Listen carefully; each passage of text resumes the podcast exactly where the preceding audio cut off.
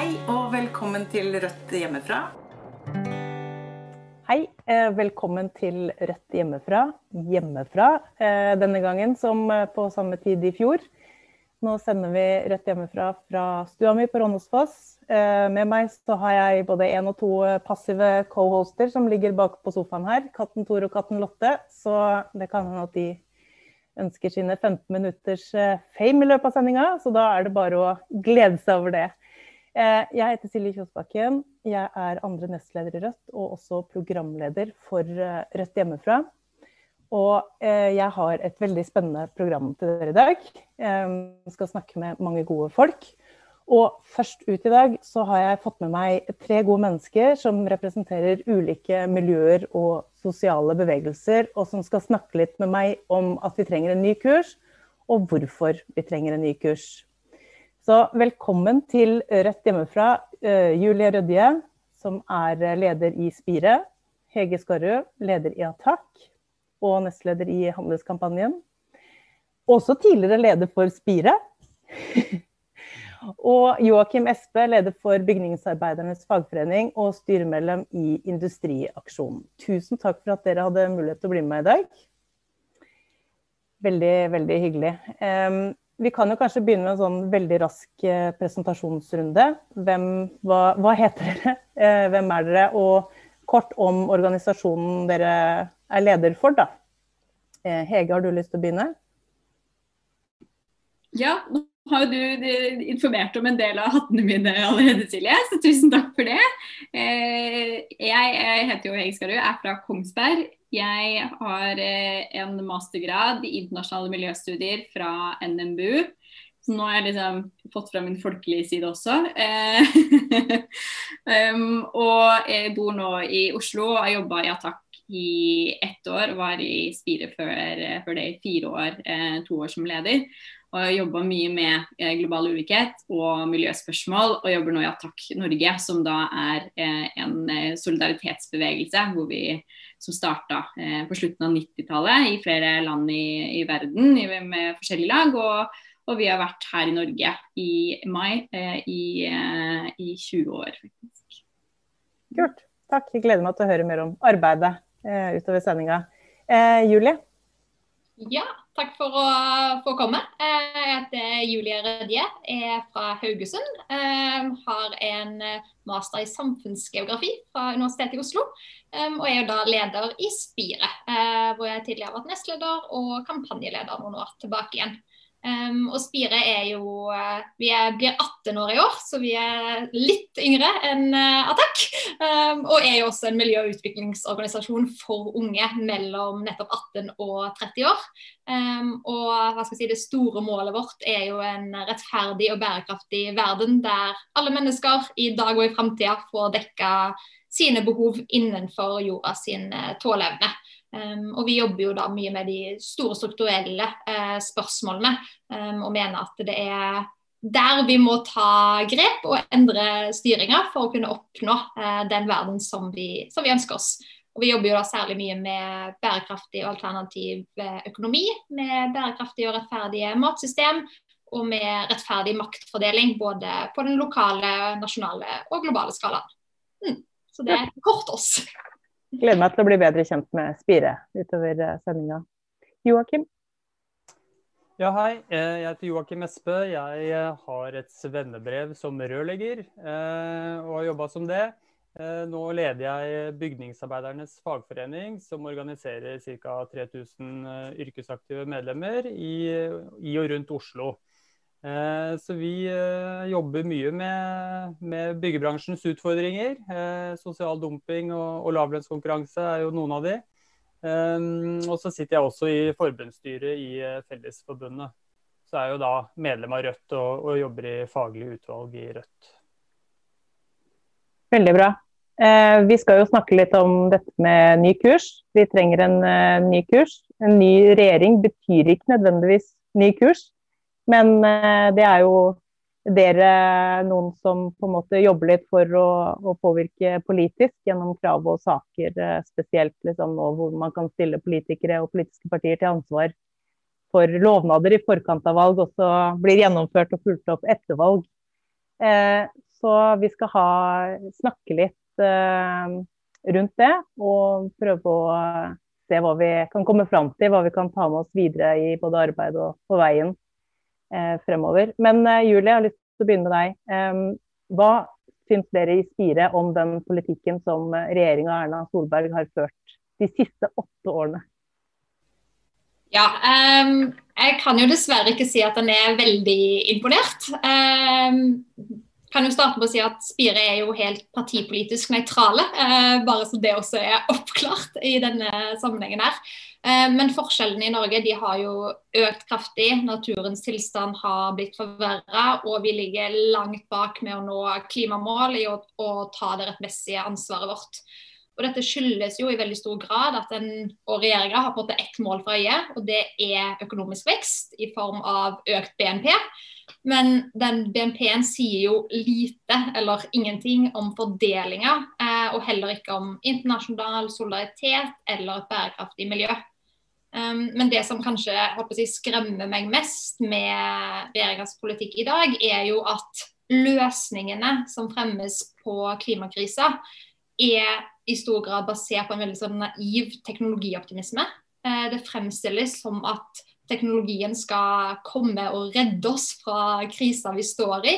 Um, og at vi på den måten også kan unngå å endre på hvordan vi faktisk lever. Det er jo så klart at teknologi kan være bra og viktig, uh, og en skal ikke på en måte kimse av det. Men sånn som det legges opp til i dag, så blir det på mange måter en slags grønn hvilepute.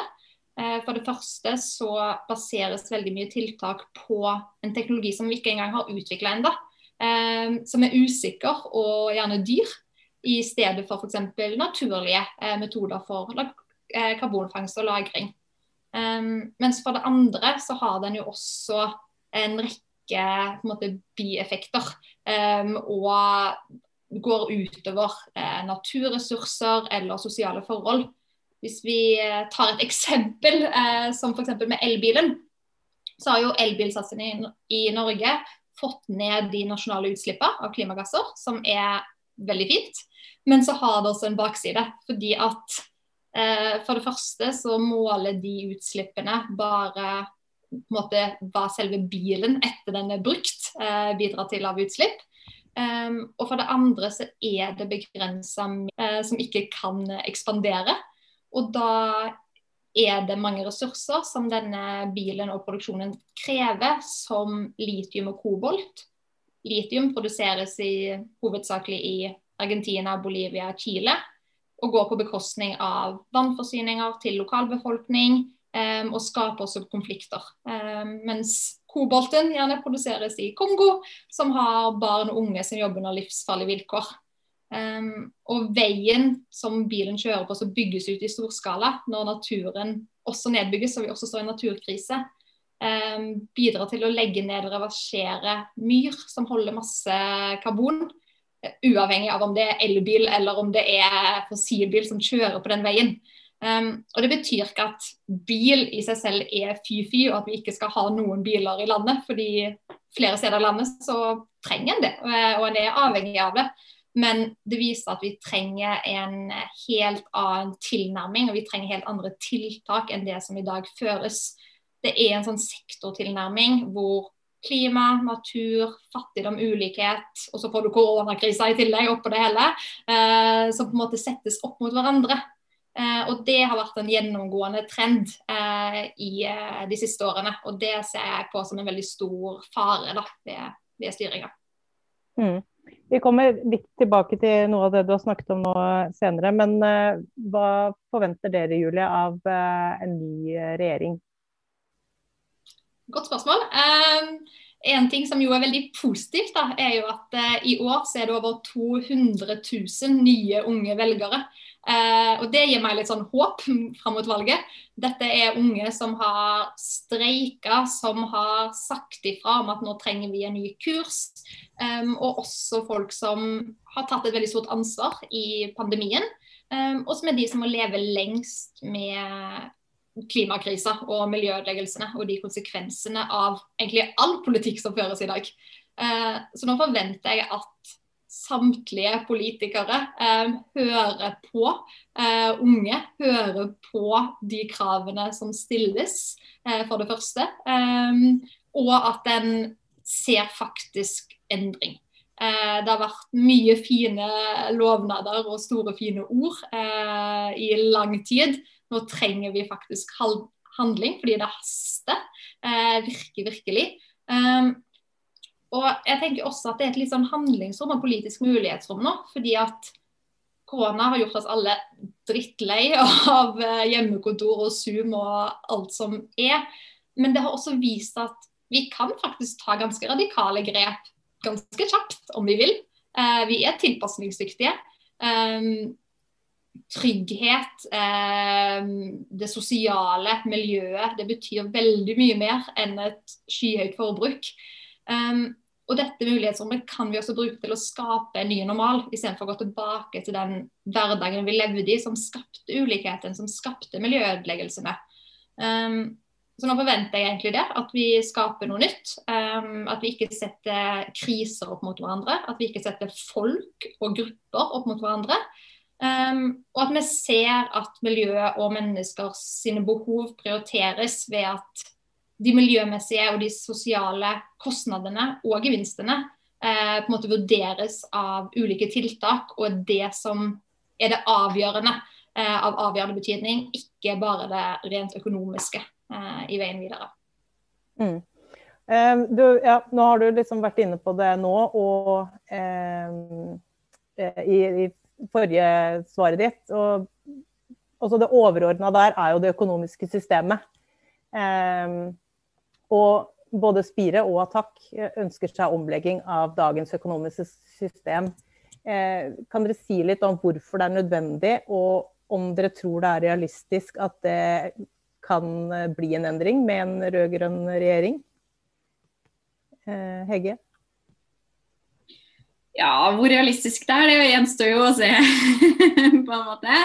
Men eh, altså, det vi står i nå da, i verden er ganske kritisk. Eh, ikke bare med koronapandemien, det var kritisk da vi gikk inn. Og så på en måte viser den ganske tydelig, blottlegger oss totalt for hvordan politikken som har blitt ført, både forsterker kriser og gjør oss eh, ganske sårbare i møte med kriser. Fordi vi har ikke eh, rusta oss opp med beredskap. Og nå ser jeg kattebudene hoppe bort det er veldig hyggelig. Um, men vi har ikke, altså vi har eh, belaga oss på liksom, å kutte hjørner overalt. Og det er den økonomiske eh, faktoren her. At det, skal, det, skal, være kostnadseffektivt, det skal være effektivt. Eh, da sitter vi igjen med liksom, just in time-produksjon som har gjort at eh, vi sto i en ganske stor krise ganske tidlig i pandemien. Hvor vi var sånn OK, nå har vi ikke nok smittevernutstyr til sykehusene våre, hva gjør vi nå? Um, og, og, vi har New Public Management, som også har gjort at vi har stått ganske eh, sårbare i denne krisa, og folk er ganske tynnslitte om dagen. Eh, vi ser privatisering og deregulering på veldig mange offentlige tjenester. til tjenester. Vi ser digitaliseringen som kommer inn nå, som kommersialiserer og privatiserer offentlige tjenester i en enda større grad. Som igjen gjør oss sårbare. Det er dårlig beredskapspolitikk. Og vi har også eh, en, en miljøpolitikk som som forsterker klima- og naturkrisa i en ganske stor grad. Eh, I eh, 2019 så kom jo denne liksom, biologisk mangfold-rapporten fra, fra eh, FN som sier at én av åtte arter står i fare for å utryddes, og 75% av landområdene våre har blitt eh, i en stor grad eh, endra pga. menneskelig aktivitet. Og mye av det er pga. den økonomiske eh, aktiviteten vår. Det er pga. handelssystemet, det er pga. finanssystemet vårt er fordi vi nå sitter og, og, skyter mer og mer penger inn til å redde bedrifter istedenfor å redde folk. Eh, på en måte, eller ja, Det var litt satt på spissen, men, men det blir en, eh, en, tydelighet at økonomien har blitt satt på siden av politikken. At de, liksom, de har blitt, eh, de har blitt boksa hver for seg, men egentlig så er jo økonomi er jo bare politikk. Eh, det her er ikke noe økonomer skal sitte og diskutere. Vi har like mye rett til å sitte og diskutere økonomi og kritisere hvordan det er vi har rusta opp denne økonomien da, sånn at ikke eh, det er sånn at eh, de med mye penger har mye makt i samfunnet. Vi skal ta fra storselskapene den makta. Vi skal putte forvaltning av fellesskapets ressurser tilbake igjen i fellesskapet. Mm. Og det, eh, ser man jo også liksom på arbeidsfolk. Eh, at det er under den, den kraftige neven som det økonomiske systemet fører, og som man på en måte er innunder. Joakim, du leder jo en fagforening som ikke er redd for å stille politiske krav. Hva er de viktigste kravene dere kommer til å jobbe for i perioden som kommer? Ja, altså jeg tror jo Pandemien nå har jo satt et ekstra søkelys uh, og på en måte avkledd mange utfordringer som har vært uh, i, også i arbeidslivet i en god stund. Uh, og Vår bransje er jo et eksempel på det som har ramma stadig flere bransjer i arbeidslivet i Norge i dag. en lavlønnskonkurranse og sosial dumping som har, som har spredd om seg de siste 15 årene. Eh, som en følge av både frislipp av bemanningsbransjen og EØS-avtalens eh, fri flyt-regime, hvor man på en måte har kunnet eh, importere arbeidskraft fra fattigere land uten noe krav til hvilke vilkår de skal få, jobbe, få jobbe, på, og vært utsatt for, for, sosial dumping. Så Vi starta allerede før forrige stortingsperiode med å mobilisere til en politisk streik for å forby bemanningsbransjen. Eh, og Det ble jo flere politiske streiker, og det var jo også eh, med de streikene utafor Stortinget og bl.a. Rødt sin rolle inne på Stortinget at vi fikk på plass ikke et forbud, men eh, innstramminger i arbeidsmiljøloven som gjorde det vanskeligere å eller skulle gjøre det vanskeligere å leie inn fra bemanningsbyråer. Skulle stille noen flere krav til det å være ansatt, at det skulle være definert og ha en større sikkerhet også for de bemanningsbyråene. Um, og Det var jo det Erna Solberg omtalte som sitt største politiske nederlag så langt, sommeren 2018. Eh, så det var jo en, en fjær i hatten til oss alle, det. Uh, men, uh, men, vi er ikke helt ferdig med den jobben. Uh, bemanningsbransjen har jo fortsatt, til tross for disse innstrammingene, fortsatt å spise seg inn på faste ansettelser. Fortsatt å, å føre til lavlønnskonkurranse og sosial dumping. Så vi ønsker nå å mobilisere for et forbud mot bemanningsbransjen. Eh, at folk skal være fast ansatt i den bedriften de, de jobber i. Sånn at uh, Å få på plass det vil være pri én for, uh, for, oss inn mot valget nå, helt klart. Mm. Um, um, mens jeg har deg, Joakim, du, jeg tror ikke du nevnte det ved introen, men du sitter jo også i styret i Industriaksjonen. Um, før du svarer på det ordentlige spørsmålet mitt, vil du bare kort fortelle hvem og hva Industriaksjonen er? Industriaksjonen er jo et sånn eh, grasrotsinitiativ i fagbevegelsen. Det sprang jo ut fra industrimiljøene rundt Rosenberg verft og oppover langs kysten. Men det er jo også fått tilslutta fra, fra, fagforeninger og klubber og lokal-LO rundt omkring, som ønsker da å jobbe for å utbre en eh, forståelse i samfunnet blant politikere om industriens rolle, eh, og også for konkret industripolitikk. Vi ønsker jo da en, eh, en, nasjonal industripolitikk som har vært litt fraværende i det hele tatt uh, i lang tid. Eh, ja, hvis du tar forventningene til en eventuelt ny regjering, er det noen store endringer dere, dere ser kan skje der? Ja, Vi ønsker jo, ønsker jo, at vi skal bruke de økonomiske og politiske musklene som, eh, som staten kan ha, i å lage en industripolitikk som bygger norske industriarbeidsplasser som tar i bruk hele landet, som uh, gjør at vi kan uh, selge industrivarer og ikke bare råvarer. Og Det krever bl.a. at vi får en helhetlig energipolitikk. At ikke vi eksporterer kraft ut og importerer strømpriser, høye strømpriser, som igjen setter kraftkrevende industri i fare. Men at vi bruker krafta, det er noe vi skal ha nasjonal kontroll over, og bruker den til å foredle råvarer og lage industrivarer. Eh, og helt, rent konkret så betyr jo det at vi må reversere ACER-tilslutningen vår og ta tilbake nasjonal kontroll over eh, energipolitikken. Um, ja. Veldig bra. Jeg tror også Industriaksjonen, eller eh, organisasjoner og bevegelser som ja, både dere, men også liksom, Industriaksjonen, er viktige for å opplyse folk. Eh, for å bevisstgjøre på problematikken som kanskje høres veldig fint ut når det kommer fra politikere om at vi trenger ditt og vi trenger datt. Og, men når det på en måte kommer fra grasrota som sier ifra, så er det, det er veldig viktig. Og da er det også viktig å, å spre det ordet som, som kommer derfra, og, og, jobbe litt på tvers også, selvfølgelig. Men eh, den foreningen du er leder av, eh, Joakim, Bygningsarbeiderne, eh, det er en del av Fellesforbundet. Eh, og Fellesforbundet har jo gitt Rødt valgkampstøtte for første gang i en eh, stortingsvalgkamp. Eh, det er veldig spennende. Men eh, veit du hvorfor det kom nå? Ja, Det kommer vel både av en erkjennelse av, av at fagbevegelsen og venstresida er jo avhengig høyst sannsynlig, av at Rødt gjør et godt valg for å sikre en, en ny politisk kurs og for å sikre et flertall. Eh, det kommer nok også av at eh, man har sett Rødt nå i fire år eh, har vært en kompromissløs kraft for arbeidsfolks interesser. Vi har stått på i forhold til kamp mot sosial dumping, for faglige rettigheter, mot økende forskjeller og, velferdsprofitører. Man har vist, vist, at man er til å stole på.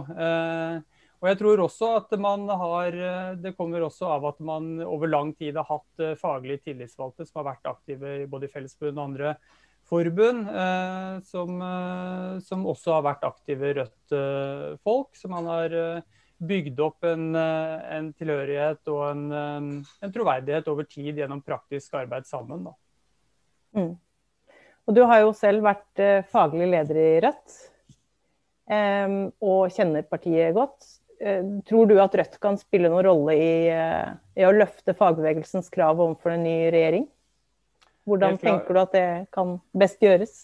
Ja, det, det er jeg jo helt eh, overbevist om. Som jeg nevnte i stad, så var jo det første forslaget Rødt stilte på Stortinget, det var jo streikekravet som vi reiste utenfor Stortinget om å forby bemanningsbransjen. Og det har jo hele tiden vært en, en parallell i, i, det arbeidet som grasrota i fagbevegelsen har gjort, og de forslagene som har blitt løfta inn eh, på Stortinget. Eh, så når man ser hva Rødt har fått til med, kun med Bjørnar eh, på Stortinget i en periode med mørkeblå regjering, så tror jeg det blir veldig spennende å se hva vi kan få til når vi bryter sperregrensa og man får og blir med på å skape et nytt, nytt, politisk flertall på Stortinget. Så det, det er jeg helt overbevist om. Eh, og jeg tror også det er viktig at vi eh, tvinger de andre rød-grønne partiene til å ta stilling til og snakke om de politiske sakene som er viktige for arbeidsfolk og for fagbevegelsen. At vi ikke lar de eh, skli unna det. Og, og, da tror jeg kanskje en forpliktende samarbeidsavtale kan være et viktig verktøy for å få til akkurat det. Mm. Og ja, parallelt med liksom, fagbevegelsen og, og, den jobben vi, vi, ønsker å gjøre der, så er vi jo avhengig av eh, alle gode sosiale bevegelser eh, som lyttposter. Eh, hva er de viktigste kravene, eh, Julie og Hege, dere tenker at Rødts stortingsgruppe bør ta med seg inn i, på forhandlingsbordet etter valget? Begynner med Julie. Du kan du velge. Sant, det er jo mye her. Eh, jeg tenker jo at noe av det viktige er jo nettopp det å ikke si at vi må på en måte velge mellom klima og natur. Eller mellom type studenter som sliter på boligmarkedet i Oslo, eller barnefamilien i distriktet. Eh, eller mellom norsk velstand og internasjonal solidaritet. Um, jeg tenker at Rødt må være tydelige på at vi skal ikke tilbake til denne gamle normalen, men man skal skape noe nytt. Uh, en ny kurs. Um, og at det og mest sårbare absolutt hardest. Um, og vi finner ikke bare løsningene på dette her i en, måte, sånn snever, naiv teknologioptimisme. Uh, en må fremme tiltak som naturlig karbonfangst og -lagring i skog og myr eh, og matjord, eh, i stedet for bare den industrielle. Um, og så håper jeg jo veldig at eh, Rødt også kan fremme alternative økonomiske modeller enn bare liksom grønn vekst, som vi ser at gjerne egentlig bare er grå eh, og uforenlig med klodens behov det er så mange initiativ internasjonalt nå som fremmes. Vi har ting som smultring i økonomien, som er basert på økonomen Kate Warworth sin Donut Economy, som eh, Amsterdam tok på en måte i bruk for et år siden. Og det siste året så har vi virkelig sett at stadig flere byer eh, henter inspirasjon herfra. Eh, som da er en modell som viser jorda sine tålegrenser som en sånn ytre sirkel. Um, og så de sosiale behovene til mennesker som den indre sirkelen. Og så for å da skape et samfunn som er godt for alle, så må det befinne seg inni smultringen. Um, og på denne måten så kan du vurdere de sosiale, miljømessige, lokale og globale konsekvensene av politikk. Og få en mye mer helhetlig tilnærming til styringa eh, og den summen av politikken. Eh, så å fremme sånne initiativ på et lokalt, nasjonalt nivå, eh, offentlig, men også til institusjoner og bedrifter, tror jeg er kjempeviktig, eh, og noe som egentlig Norge ikke har råd til å på en måte vente på. Eh, fordi resten av samfunnet begynner å gjøre dette her ute i verden, så nå må vi eh, henge etter. Mm. Takk. Ege? Ja, det er jo mye å ta tak i. Eh, men jeg tenkte jeg skulle spille litt på noe av det Joakim eh, nevnte. Nå jeg nevnte Joakim, Du nevnte EØS, og så nevnte du eh, industriopprøret og viktigheten av, eh, av deres bevegelse inn i oppbyggingen av en demokratisk industri.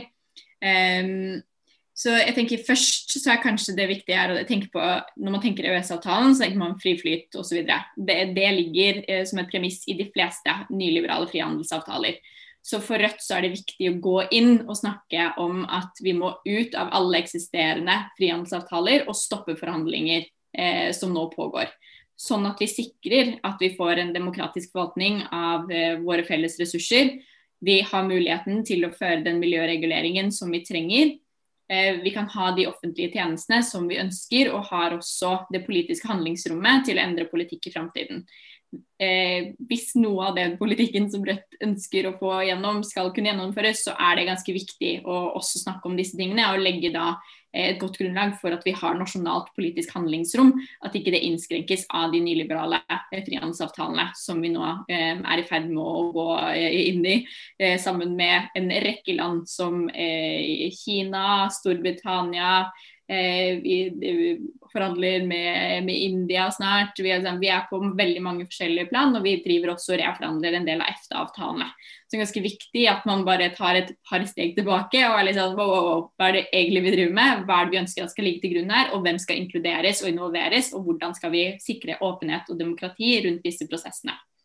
Og så er det digitaliseringen også som jeg tenker eh, at jeg skal snakke med Joakim om senere, er hvordan industriopprøret skal eh, jobbe mer med eh, den demokratiske eh, digitale industrien som vi er nødt til å utvikle her i Norge. Og hvordan skal vi klare å gjøre det. Hvordan skal vi temme teknologigigantene? Hvordan skal vi forvalte eh, data som en fellesskapsressurs? Og hvordan skal vi som et fellesskap tjene på den dataen eh, sammen, og at ikke det bare er noen få som sitter og tjener på det, sånn som vi ser i dag. Det tenker jeg er to ganske viktige ting å ta med seg, for det legger veldig store premisser for politisk handlingsrom osv. Um, utover, uh, utover de tingene. da. Mm.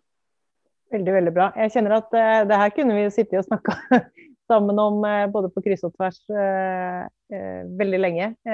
tiden flyr dessverre fra oss, men jeg håper at dere har muligheten til å komme tilbake til Rødt hjemmefra en annen gang. Kanskje vi kan møtes fysisk også, i den hyggelige sofaen på, i studioet vårt. Eh, men jeg ønsker å takke dere eh, så mye for at dere satte av tid denne kvelden til å være her og snakke sammen og snakke med meg.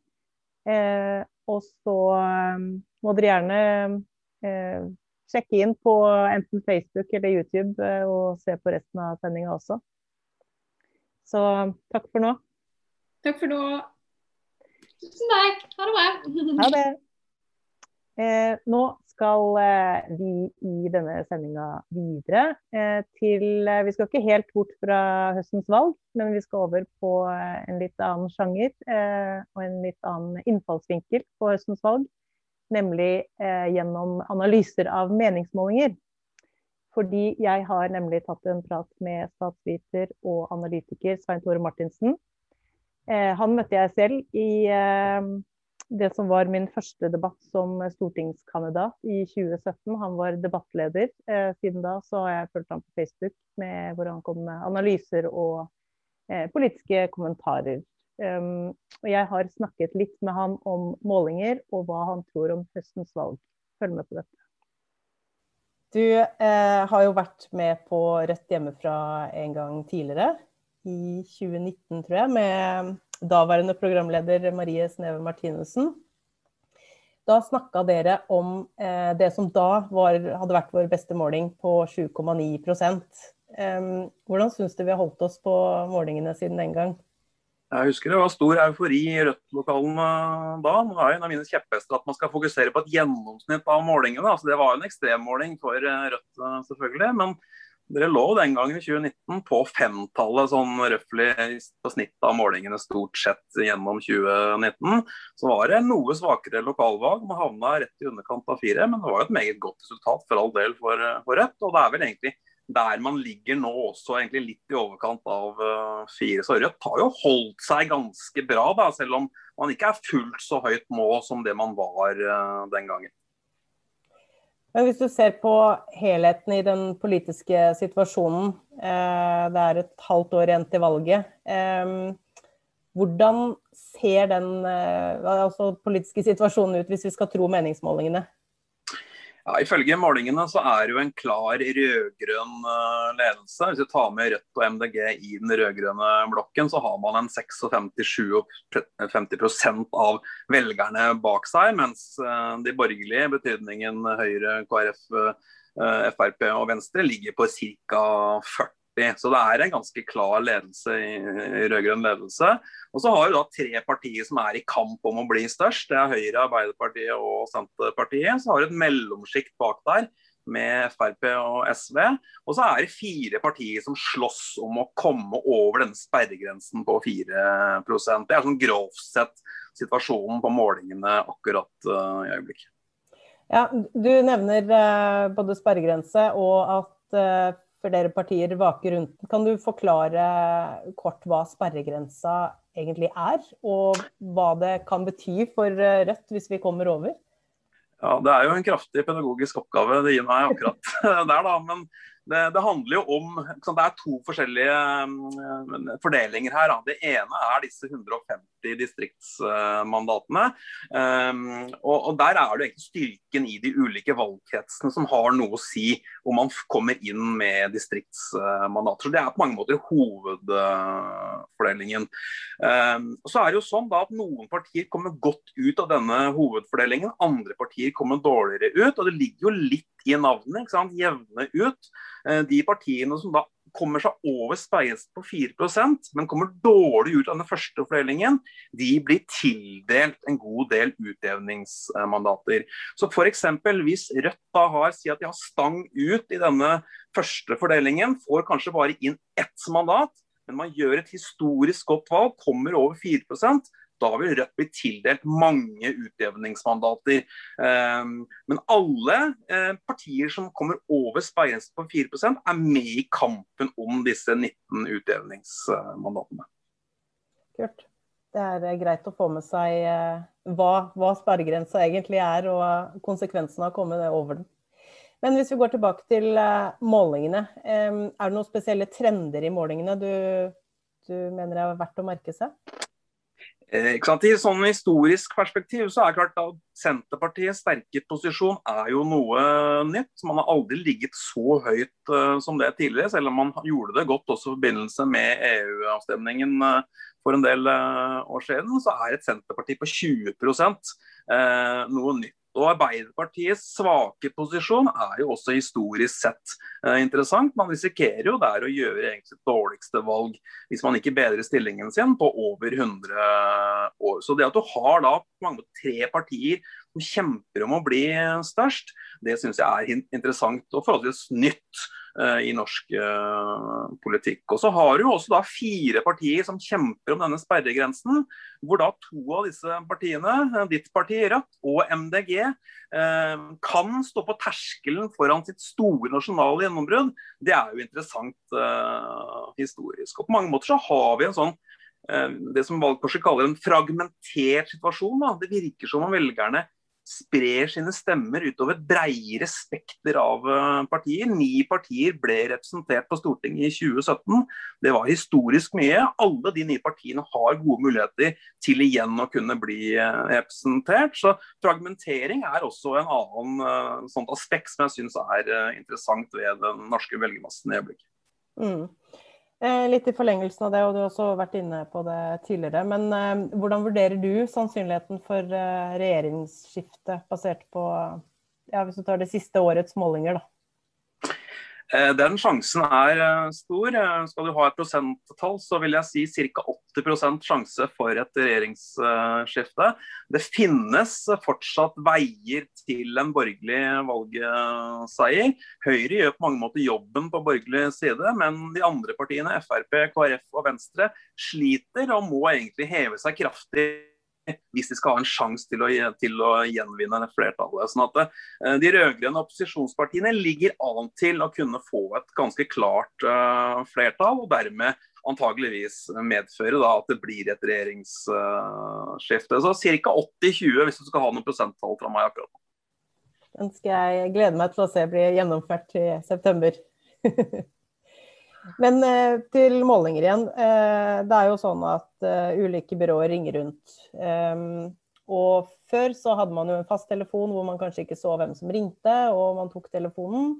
Nå så har man jo både sånne smarttelefoner som kan finne ut og markere ukjente nummer på hvem som ringer deg. og en del av disse byråene som gjør, utfører målinger, de blir ofte merka som telefonselgere eller telefonsalg.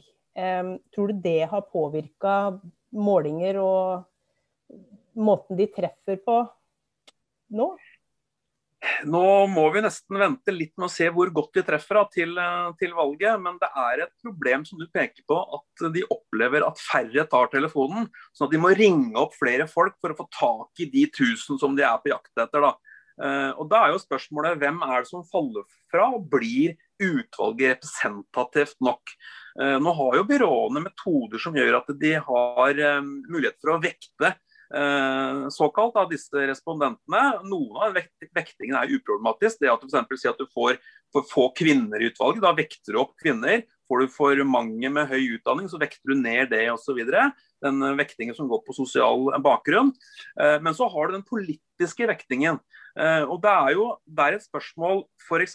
si Fremskrittspartiet. da, Der opplever ofte byråene at de har sliter med å få tak i Frp-velgere, og at det kanskje blir for få Frp-velgere i utvalget. Da må Fremskrittspartiet vektes opp politisk i de barometertallene som, eh, som uh, byråene presenterer. Så er situasjonen omvendt for ditt parti. Rødt-sympatisører virker som har, er flinke til å ta telefonen da, og, og svare målerne. Eh, da er jo da faren at Rødt kan bli overrepresentert i utvalget. og Da må antageligvis byråene vekte Rødt noe ned slik at barometertallet treffer. Og Spørsmålet er jo da om man treffer med den vektingen. Vekter man for mye opp eller for mye med, ned? Det gjør det krevende for eh, byråene, og kanskje litt vanskelig å treffe godt. Men, men sånn, hovedtendensen har jo vært at norske byråer har truffet ganske godt, iallfall et snitt av de ulike eh, målingene. Så, så, men det gjenstår å se om det vil være et økende problem inn mot dette valget her. Veldig interessant. Eh, men eh, liksom, til det også, så ser man jo også en stor variasjon mellom de ulike byråene. Eller det viser seg jo gjennom ulike aviser, da, som regel. Um, vet du hvorfor det er? Altså For det første så er det jo feilmarginer i alle typer målinger som vi må tolke innenfor. Det kan være tilfeldige utslag. Hvis Høyre blir målt til 25% så kan det godt være at man egentlig er på 28 eller 22. Da er det feilmargin på 3-4 prosentpoeng for de største partiene og 1-2 prosentpoeng for de mindre partiene. Så det er ofte tilfeldige utslag. Eh, men så er det jo også sånn da at eh, man som sagt vektes litt ulikt. Eh, og noen byråer vekter nok f.eks. Eh, Rødt mindre ned enn andre byråer. Jeg tror f.eks. Kantar, som gjør målinger for TV 2, der Rødt ofte gjør det godt. Man hadde en måling nå som var nesten lå på 7 for noen dager siden. Eh, antakeligvis vekter Kantar Rødt noe mindre ned enn andre byråer. Norstad hadde f.eks. en måling på 2,8 for Rødt. Eh, også i, eh, i, mars. Og Her er det et stort spenn som nok handler om litt ulike metoder for de enkelte uh, byråene. Vi vet ikke nøyaktig, for det her er litt sånn yrkeshemmelighet også. ikke sant? Vi vet ikke nøyaktig hvordan de, de gjør det, men antageligvis er det der noe av denne forskjellen ligger på. Mitt råd er jo da å fokusere kanskje og ikke, ikke gjøre som partifolk ofte gjør, da, neglisjere de dårlige målingene og fokusere kun på det gode. Men hvis man skal være udugelig, kanskje se litt på snittet og tenke at kanskje er det der vi ligger sånn, sånn cirka. Mm. Men du som analytiker, har du mest tiltro til nasjonale eller fylkesmålinger? Jeg tror at vi må se litt på begge deler vi må ha nasjonale målinger og se nasjonale trender osv. Nasjonale målinger er jo ofte eh, altså Det måles oftere nasjonalt, det måles mindre eh, lokalt. Men samtidig så foregår jo valgene ute i de 19 valgkretsene. Det er der mandatene fordeles. Og For å fange opp lokale vinner som kan blåse i enkelte regioner, i enkelte valgkretser, så er vi avhengig av lokale målinger. Problemet med de lokale målingene, valgkretsmålingene, er jo at de måles ganske sjelden, særlig i en del uh, fylker. sånn at det, uh, vi må nesten ha begge deler tror jeg, med oss. Både nasjonale målingene, men også så mange lokale som, uh, mulig. Så En kombinasjon av de elementene tror jeg er viktig for å danne seg et godt bilde av den politiske situasjonen i, i velgermassen. Mm.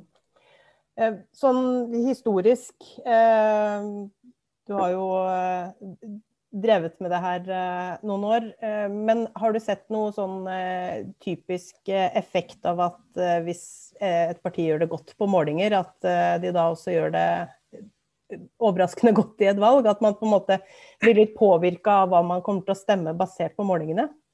Ja, så Det her har blitt forska på også av forskere, riktignok noen år tilbake, med Bernt Årdal i spissen. De fant ikke noen sånne klare effekter av at man kaster seg på vinnerlaget før et valg. Uh, mente de ut ifra de, de, tallene som de uh, brukte.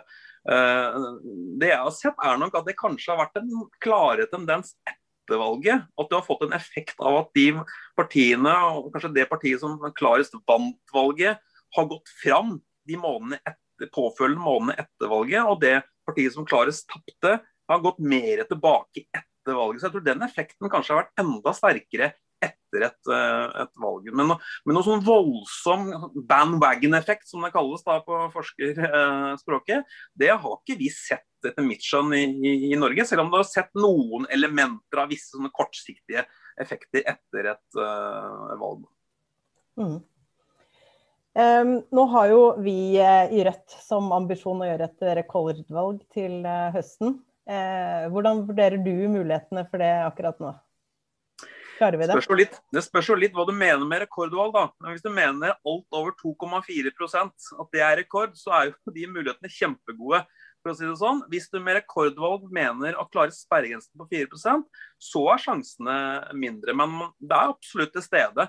Eh, og etter mitt skjønn så har jo Rødt nå en historisk mulighet til å få et nasjonalt gjennombrudd i norsk uh, politikk. Men utfallet kan bli alt fra omtrent status quo med én representant i Oslo til et gjennombrudd på en åtte til ti eh, mandater, gitt at man da kommer seg over 4% kanskje opp mot 5 så kan man komme inn med en stortingsgruppe opp mot ti mandater. Så i dette spennet her ligger eh, mulighetene, men også begrensningene i de ukene og månedene som uh, kommer. Og det må jo være fantastisk for alle dere som jobber med politikk og er tillitsvalgte eller driver valgkamp, at den muligheten er til stede. For det har ingen av de som har drevet dette tidligere, opplevd etter mitt skjønn uh, per dags dato.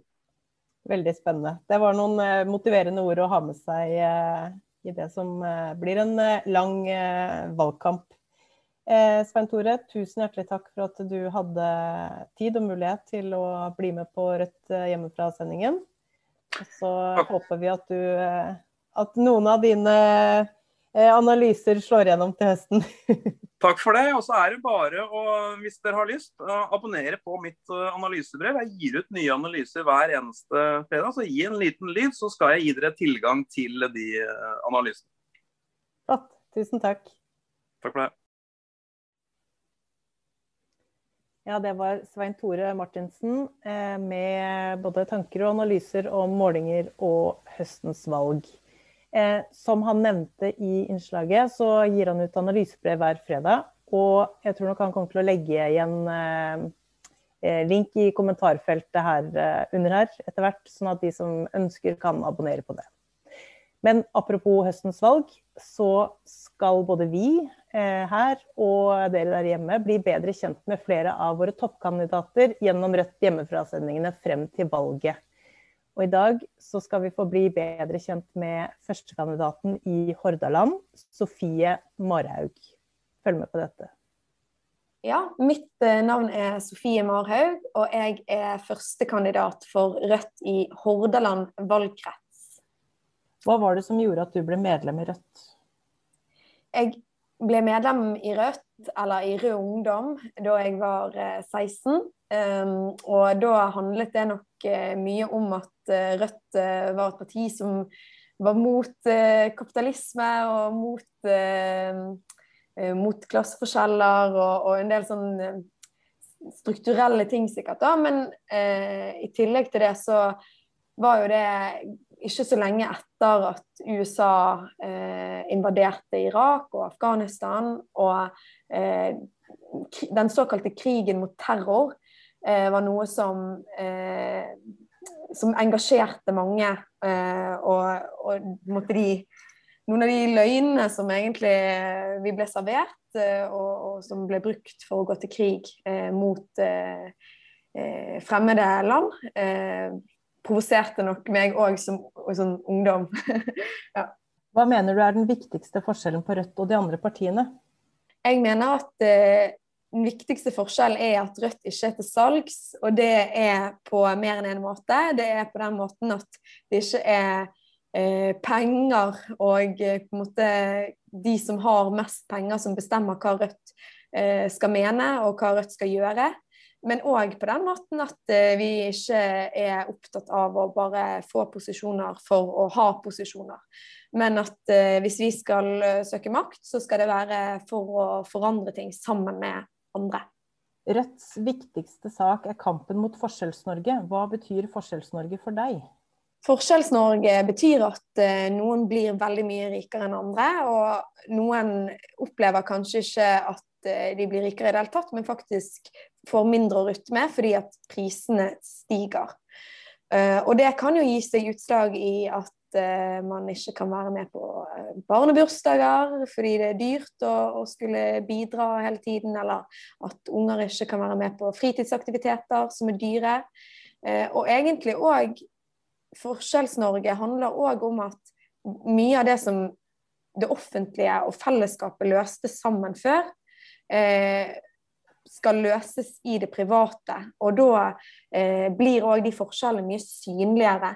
Eh, fordi ting som før var eh, eh, gratis, eller i hvert fall veldig billig, eller noe som ble sett på som en del av det offentliges ansvar, det har blitt eh, privatisert. Kulturskole, f.eks. Vi får flere og flere kulturskoler som er private. Eh, hvorfor det? Hvem er det som får råd til å, å eh, lære seg å spille gitar da, for å si det sånn. Hva må vi gjøre for å få ned forskjellene? Det viktigste, tror jeg, som politisk parti, er å faktisk sette forskjellene på dagsorden hver eneste dag. Fordi eh, forskjeller har økt også under den rød-grønne regjeringen. Eh, og det handler jo igjen om at eh, veldig mange avgjørelser og veldig mye makt egentlig ikke tas i folkevalgte organer engang, eh, men i lukkede styrerom og, og, eh, blant eiere, de som eier eh, mye. Eh, sånn at jeg tror at det viktigste for å få ned forskjellene er å snakke om forskjellene, og er å sette dem på den politiske dagsorden hele tiden. Og kreve å ta tilbake eh, demokratisk kontroll over større deler av samfunnet. Og det, om, det, kan handle om noe så enkelt som at barnehager skal være offentlige, eh, og at eh, ikke de skal styres av det private. Fordi selv om det er bare ett område av samfunnet, og det finnes veldig mange flere, så er det et veldig godt eksempel på hvordan pengene og makten flyttes bort fra offentlig kontroll, og som kan være med å, øke forskjellene, både fordi noen få eiere tjener seg veldig rike, men òg fordi, eh, fordi eh, den demokratiske styringen da, eh, flyttes. Hvem er ditt største politiske forbilde? Mitt største politiske forbilde er nok eh, Torstein Dale, som er den jeg har jobbet aller mest med eh, i lokalpolitikken. Jeg har sittet i bystyremann i åtte år. Eh, og, og han er òg et forbilde fordi han er veldig pedagogisk og veldig snill. Og eh, behandler eh, folk rundt seg med respekt. Eh, på en helt sånn, unik måte, syns jeg faktisk. Så han er et forbilde både som menneske, men òg som politiker. Hvilken nålevende person ville du helst stått fast i en heis med? Det er et vanskelig spørsmål. fordi Hvis jeg hadde stått fast i en heis, så hadde jeg nok blitt veldig stresset. man kunne jo liksom benyttet anledningen til å si en eller annen kjendis eller noen jeg ser opp til og sånn, men sannheten er at hvis jeg hadde stått fast i en heis, så hadde jeg trengt å eh, være der med noen som får meg til å eh, roe meg litt ned og ikke bli så stresset. Eh, så det ville sikkert vært en av mine nærmeste venner eller en av mine søsken eller noe sånt. Egentlig er svaret på det, for jeg hadde blitt så sur og stresset. Hvis Rødt gjør et rekordvalg, hvordan vil det forandre norsk politikk? Det vil forandre norsk politikk på den måten at eh, kampen mot de økonomiske forskjellene som bare øker og øker, og økt uansett hvem som har sittet med makten, den kommer på dagsorden på en helt annen måte. Eh, og det vil òg forandre norsk politikk fordi man vil få et eh, parti til venstre for SV på Stortinget, som jeg tror er veldig bra og veldig viktig, fordi at Rødt tar opp i seg en del synspunkt og perspektiver som mangler på Stortinget, og som òg eh, handler om eh, eh, egentlig et tidligere spørsmål, eh, nemlig hva som er forskjell på Rødt og de andre partiene. Eh, nemlig måten vi skal jobbe på på Stortinget, og hvordan vi skal jobbe for å eh, målbære egentlig noe av den motstanden som finnes mot konsentrasjon av makt og penger som jeg tror veldig lett eh, Et perspektiv som lett kan forsvinne i det man skal forholde seg til.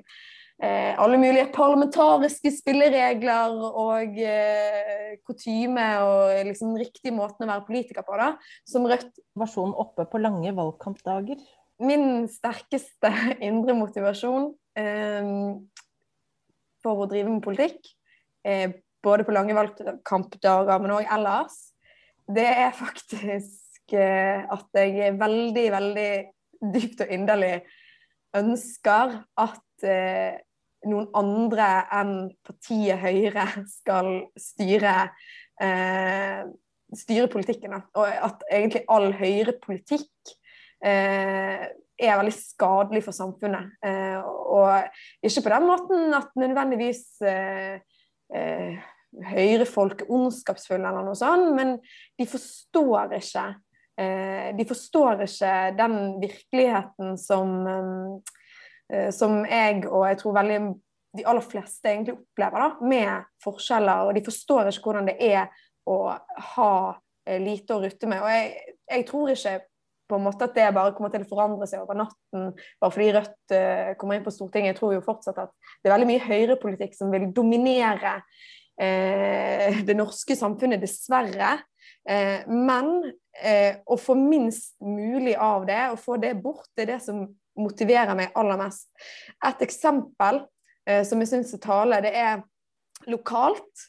Eh, på et eller annet tidspunkt så foreslo partiet Høyre å innføre eh, arbeidsplikt for sosialhjelpsmottakere eh, i Bergen. Eh, og for meg så er det bare ett av veldig mange eksempler på at partiet Høyre ikke forstår hva det vil si å være fattig, og hva det vil si å eh, ikke kunne arbeide. Eh, og det er akkurat som at de ikke er i kontakt med helt vanlige mennesker, eh, men mer i kontakt med de som de spiser eh, sushi med på Geilo når eh, anledningen eh, byr seg. og det, ja, det, er en tilkortkommenhet da, som motiverer meg uh, hver eneste dag, faktisk. Kan du nevne én ting folk aldri ville trodd om deg? Det er én ting uh, som jeg ofte forteller om som en fun fact om meg sjøl, så noen har jo hørt det før. Uh, og det er at jeg har spilt inn dokumentarfilm om menstruasjon. og vært med på mye sånn menskunstting som er jo en uh, slags fun fact. Men jeg har jo fortalt det så mange ganger at det ikke er så overraskende lenger, kanskje. Uh, en ting som kanskje er mer overraskende og kanskje også litt sånn trist, det er at da jeg gikk på videregående, så eh, meldte meg til sesjon. Det var før egentlig jenter ble innkalt til det. Eh, fordi jeg ante ikke hva jeg skulle med livet mitt, og jeg tenkte at jeg sikkert hadde godt av litt disiplin og å trene og sånn. da. Eh, for det gjorde jeg veldig lite av. og eh, det krasjet da. Viste seg å krasje med norsk tentamen, så da droppet jeg det, da. Som var mer sånn i karakter, kan du si. Men det, en, det tror jeg egentlig ikke så mange ville trodd om meg. Ja. Har du en hjertesak du særlig vil arbeide med på Stortinget? Min hjertesak, og dette er jo et, et litt som politikersvar å si, men min hjertesak er jo å kjempe mot Forskjells-Norge på alle mulige måter. Eh, men helt konkret så tror jeg at det handler om å eh, øke faktisk støtten til eh, en del av de som har minst fra før av. Og det handler om alle mulige stønadsordninger og sånn. Eh, som hver for seg kan høres litt uviktige ut og sånn, men som eh, for de det gjelder, er veldig viktige. Så det handler om å egentlig eh, gjøre velferdsstaten rausere og bygge velferdsstaten ut, og ikke bygge velferdsstaten ned.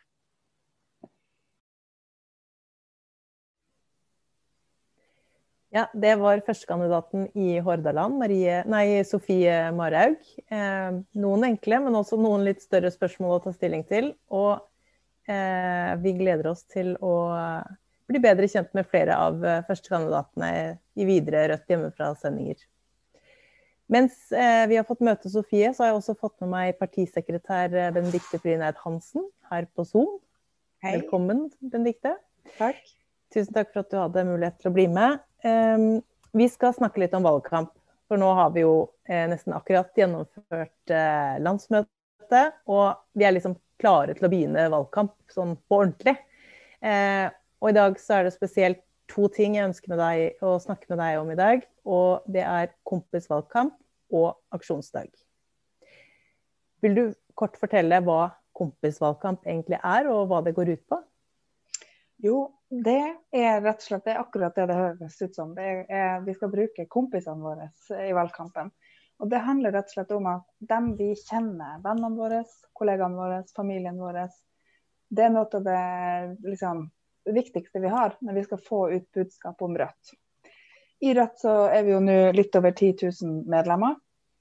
Eh, det er en kjempeviktig ressurs. Og det vi ønsker er jo at hvis alle de 10 000 medlemmene snakke med vennene sine, med familien sin og kollegaene sine om hvorfor de er med i Rødt, hvorfor de stemmer Rødt, så er det noe av det aller viktigste som kommer til å skje i hele valgkampen. Det handler om at folk har mye større tillit. Så når jeg snakker med eh, vennene mine om hvorfor jeg er med i Rødt, så har de mye høyere tillit til meg enn hvis de skulle møtt en fremmed person på gata som snakker om uh, hvorfor de stemmer Rødt. Derfor er det så viktig. Nå skal vi også på gata, håper vi selvfølgelig. sånn at Vi skal også snakke med fremmede. Men det, det er veldig, veldig mye mer effektivt det å snakke med vennene våre. Så derfor må vi gjøre det. Veldig kult. Veldig bra bevisstgjøring. Ta det med til lunsjen på eh, jobb eller eh, eh, når du går tur med naboen, eller eh, ha det i bakhodet hele tiden. Ja, og også i familieselskap og sånn. Jeg tenker så Folk er jo interessert, og nå blir det masse politikk, eh, masse politisk prat. Så, så ta en prat med, med venner og familie. Mm. Mm. Eh, hvis vi går videre til aksjonsdagen, det er jo på en måte valgkamp-kickoffen vår, som er rett over eh, påske. Eh, vil du si noe om den? Ja, vi, altså nå er vi helt sånn på innspurten. Så skal vi ha en liten påskeferie, og så er vi klar etter påske så begynner valget. Altså Da begynner valgkampen for Rødt. Da er det sånn at uh, lørdag 10. april så skal vi ut og, og, møte folk der hvor det er mulig. Eller vi skal uh, markere Rødt uh, og Rødt sine saker i sosiale medier. Vi skal prøve å få lokale presseoppslag. Og vi skal på en måte markere lørdag 10. mars har vi nasjonal aksjonsdag for å markere at nå er valgkampen i gang, og vi skal ut og møte folk. Så det vi ønsker å gjøre her, er å samle partiet. Her skal man eh, samles eh, fysisk hvis det er mulig, digitalt hvis det er alternativet, eller på andre måter for å vise at nå står vi sammen. digitalt, skulder ved skulder, eh, i hele landet, alle i partiet. Eh, og så kjører vi i gang. Så mm. over 100 lokallag har meldt seg på denne nasjonale aksjonsdagen og skal gjøre forskjellige ting. Noen skal ha stand der hvor det er lov. Andre skal eh, dele ut materiell i postkasse og sånne ting. Veldig mange skal ringe til medlemmer og ringe til potensielle velgere. Så her er mange aktiviteter som er mulig å gjøre. Det viktigste er at vi samla lørdag 10. april skal vi ut. Da starter vi valget. Mm. Og så er det jo, Den aksjonsdagen eh, er jo på en måte tilrettelagt eh, strenge smitteverntiltak.